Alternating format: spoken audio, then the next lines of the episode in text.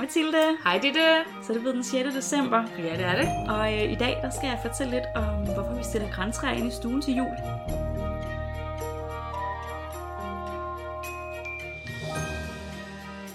Traditionen med at tage et øh, juletræ ind i stuen stammer fra Tyskland. Surprise! Surprise! Endnu en juletradition fra Tyskland. Og vi skal tilbage til 1500-tallet. Faktisk så øh, er der en, sådan en liten myte, kan man sige, om at det er Martin Luther, der var den første til at opfinde juletræet. Der er godt nok ikke historisk belæg for det, men Okay. øh, det, det, det er en 1800-tals opfindelse lidt. Der blev lavet et maleri, Alright. hvor han sad inde i stuen med juletræ. Der er mange steder i Tyskland, man stadig sådan fortæller den som en julehistorie. Mm. At øh, Martin Luther i 1536 gik fra kirken og hjem igennem skoven, og så inde bag alle de nøgne træer, der så han det her fine, fine græntræ, og alle stjernerne, der glimtede på himlen. Der var simpelthen en grænse på, hvor fantastisk det der træ det var. Så han måtte ind og rive det op med rode. Hold da op. og så tog han det med hjem i stuen og satte det i en potte. Øh, Nå. Ja, og pyntede det med, med lys. Og så brugte han det simpelthen til at fortælle øh, sine børn om englene og det hellige lys og alle mulige gode kristne budskaber. Mm. En god julehistorie.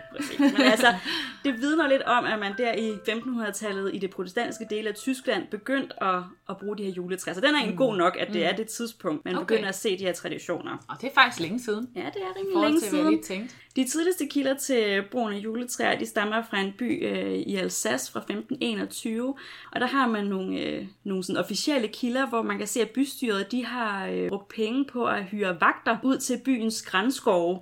Øh, simpelthen fordi, at folk de var, gik ud og tog juletræer selv, så de hyrede vagter for at sørge for, at øh, træerne kunne få lov til at stå i fred. Og man kan sådan se op gennem tiden, især også i 1700-tallet, der kommer der mere sådan regulær lovgivning omkring, at man ikke må gå ud og fælde græntræer. Det vidner i hvert fald om, at der har været en praksis der. Mm. Det er sådan, at det jo tit med lovgivningen, mm. når man ser på det som kilder, at øh, det er fordi, der er nogen, der har gjort noget, de ikke, man ikke var så glad for. Altså fair nok også, at man ikke bare må tage en masse træer, der ikke er ens eget. Ja, Men øh, det ja. giver rigtig god mening. Ja. ja, det gør det faktisk.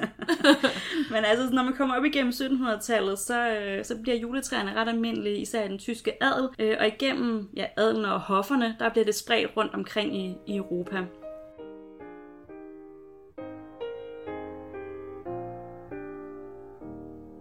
Og en af de sådan, klassiske juletræshistorier, den kommer fra England. Mm. Jeg ved ikke, om du har hørt om.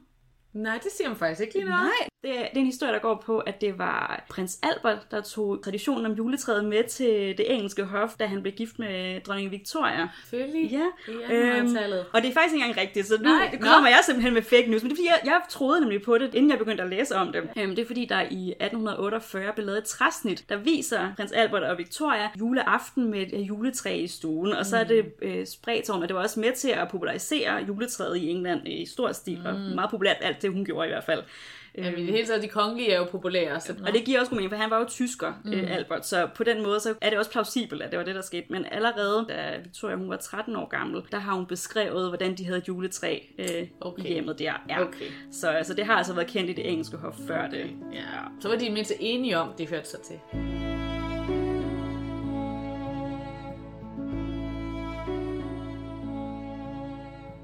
Og det er også her i 1800-tallet, at øh, juletræerne de kommer til Danmark. Det første juletræ, der er beskrevet, øh, det var i 1808 på et gods i Sydsjælland, der hedder Holsteinborg, øh, hvor en øh, tysk lensgreve havde overtaget det her gods, øh, og, og han var altså den, der, der førte traditionen med juletræet til Danmark. Mm. Øh, men det var ude på landet, så det var ikke fordi, at folk de sådan, som sådan opdagede det i ret stor udstrækning. Øh, men et par år senere, i 1811, der havde man det første juletræ i København, Ja. og, øh, hos familien Lehmann. Og det var altså noget af et tilløbsstykke. Øh, der er en af gæsterne der fra den juleaften, der fortalte, at folk samlede sig simpelthen ude på Stor Kongensgade, som var der, hvor familien Lehmann boede, øh, for at kigge ind ad vinduerne, så de kunne se, hvad der var foregik. Fordi det var jo helt øh, aftræret, og så havde man træ med indenfor i stuen, og der var blevet sat lys på, øh, som lyste op. Der var også nogen, der tog stiger med og stillede dem op af husmuren for at kigge ind ad vinduerne, ind under gardinerne, så de kunne se det her juletræ. Hold da op, mand. Ja, så det har altså været et, øh, noget af et tilløbsstykke øh, at se det her juletræ. Det var altså ikke noget, man var vant til øh, i. København på det her tidspunkt. Nej, det har altså nok også været rimelig vildt. Og juletræet passer også rigtig fint her i, i 1800-tallet, hvor man får et større fokus på, på gaver og på oppyntning øh, og sådan juletraditioner helt generelt. Øh, men der er altså kun øh, forbeholdt en lille overklasse, især inde i byen. Så det var sådan kultureliten, mm. øh, der var dem, der tog mm. det til sig her i starten. Ja. Så hvis man kom ud altså på landet også øh, længere op i 1800-tallet, så var det altså ikke en selvfølge, at man så det heller ikke hos de lidt mere øh, velstillede familier. Øh, Okay. Det var altså kun de rigeste, der havde råd til den slags luksus. Men bare fordi at juletræet det begyndte at vinde udbredelse her i løbet af 1800-tallet, så var det ikke alle, der syntes, det var en særlig fed idé. Nå, Så i 1817, der udbredte der simpelthen en decideret juletræsfejde. okay. Ja, Øh, der var mange, som synes det var genialt med juletræer. Ja, ja. Adam Ønslager for eksempel, øh, og Heiberg også synes, at det var bare super fedt. Men øh, Grundtvig derimod, mm. Måske mest fordi han ikke så godt kunne lide Heiberg, Ja, han ja. satte sig i opposition til de her juletræer, Okay. og sagde, at det var øh, noget værre overtro og gammeldags, og helt imod det kristne budskab. Ja, ja, det kan jeg godt forestille mig, at han måske har syntes. Ja. Og så havde han altså heller aldrig set et juletræ før. Så øh, det var så lidt mere af princip, tror jeg, at han var imod det, og han havde ikke oplevet den her magi med det juletræ øh, juleaften. Han synes, det var en forfladelse af julen. Øh, lige indtil 1822, så altså lige et par år efter, ja. kan du gætte, hvad der skal ske der? I 1822, ja. der får han børn. Der får han nemlig børn. Ah! Bliver far i, øh, i løbet af 1822, og så samme år, der får de altså øh, juletræ i familien. Og året efter, der øh, skriver han simpelthen en salme, der lovpriser juletræet. Oh my god. Så han skulle bare opleve det. Så, Så øh, han ventede lige på en tallerken på fem år et barn. Fuldstændig, ja. ja det synes jeg var så Ja, sjovt, fordi man er sådan, sjovt. Ja, sådan ja. juletræsfejden, Ja. og så sådan, ja, nu skal vi have familiejul, ja, så må vi hellere være med Ja, det er rigtigt nok. Sådan. Ja. Så her i løbet af 1800-tallet, der øh, er det altså sådan lidt, lidt træt med udbredelsen af juletræet, men når vi kommer op på den anden side af år 1900, så begynder det altså at komme ud til den bredere befolkning. Der kommer flere og flere juletræer ud i de danske hjem.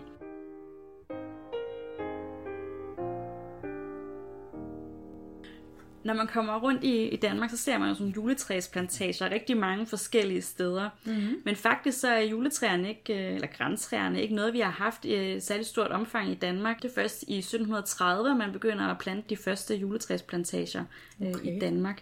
Og nordmandsgranen, som er det mest populære græntræstype i dag, den kommer faktisk først til, til Danmark i 1880. Der. Så det er sådan Okay. relativt nyt Ja. øh, træ i Danmark. Nej, sjovt. Øhm, men altså, når vi kommer op i 1960'erne, så er det der, det begynder at brede sig rigtig meget. Vi begynder at have rigtig mange juletræsplantager. Og ifølge Landbrugsstyrelsen, der bliver der i dag dyrket omkring 10 millioner juletræer i Danmark øh, om året. Okay. Øh, men vi eksporterer de fleste af dem, så omkring 9 millioner af dem bliver eksporteret. De fleste til Tyskland faktisk. Ej, det er rigtigt. Ja, men åbenbart er klimaet godt til det, så det Ja. er der rigtig hvor- meget af. Det er en stor industri i Danmark. Ja. ja, altså cirka 40 procent af eksporten går til, til Tyskland, mm. øh, men der er faktisk også mange andre steder, øh, men lande som Marokko, Hongkong, Singapore, Vietnam, de forenede arabiske emirater Okay. får faktisk også juletræer fra Danmark i små mængder. Okay. Så der er også mange eksotiske, Eksotiske steder, vi sender. juletræer. Ja. Altså, man må næsten tænke, at det er nogle udenlandsdanskere ja. eller udenlandsskandinaver på en eller anden måde, ikke? Jo, det kunne man forestille sig, ja. Jeg Nå. synes bare, det var lidt sjovt på den liste der. Ja, ja, det er, men det ja, er altså det en er meget gode- lille procentdel ja, der. Men, To familier i Singapore. Ja. Nå.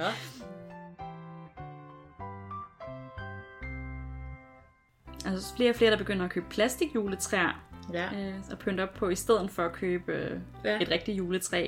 ja, jeg har faktisk et plastikjuletræ på loftet. Er det rigtigt? Men jeg bruger det ikke mere. Men vi købte det i lejligheden. ja. Hvor længe det- brugte I det? Jamen et par år, altså da vi gik på universitetet. Men altså, og jeg har det så stadig, jeg tror, altså det fra hjem og fik, så har kostet 129.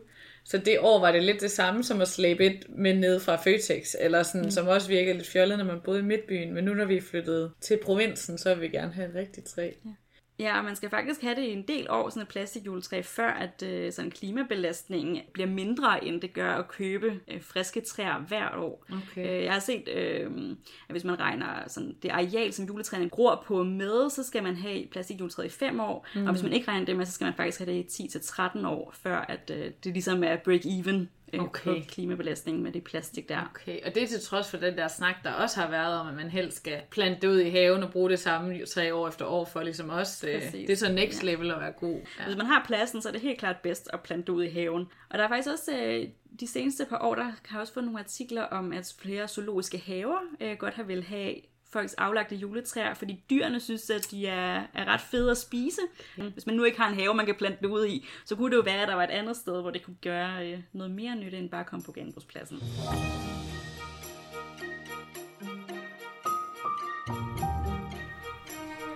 Og sådan en juletræ, det skal jo øh, have noget pynt, det kommer vi tilbage til senere, men traditionelt set, der har meget af det her pynt, det har jo været bagværk, mm. kager og den slags. Ja, Det vil du gerne fortælle lidt om i morgen. det kan du tro. Det bliver lækkert. Det lyder bare skønt. Vi ses i morgen. Det gør vi i hvert fald.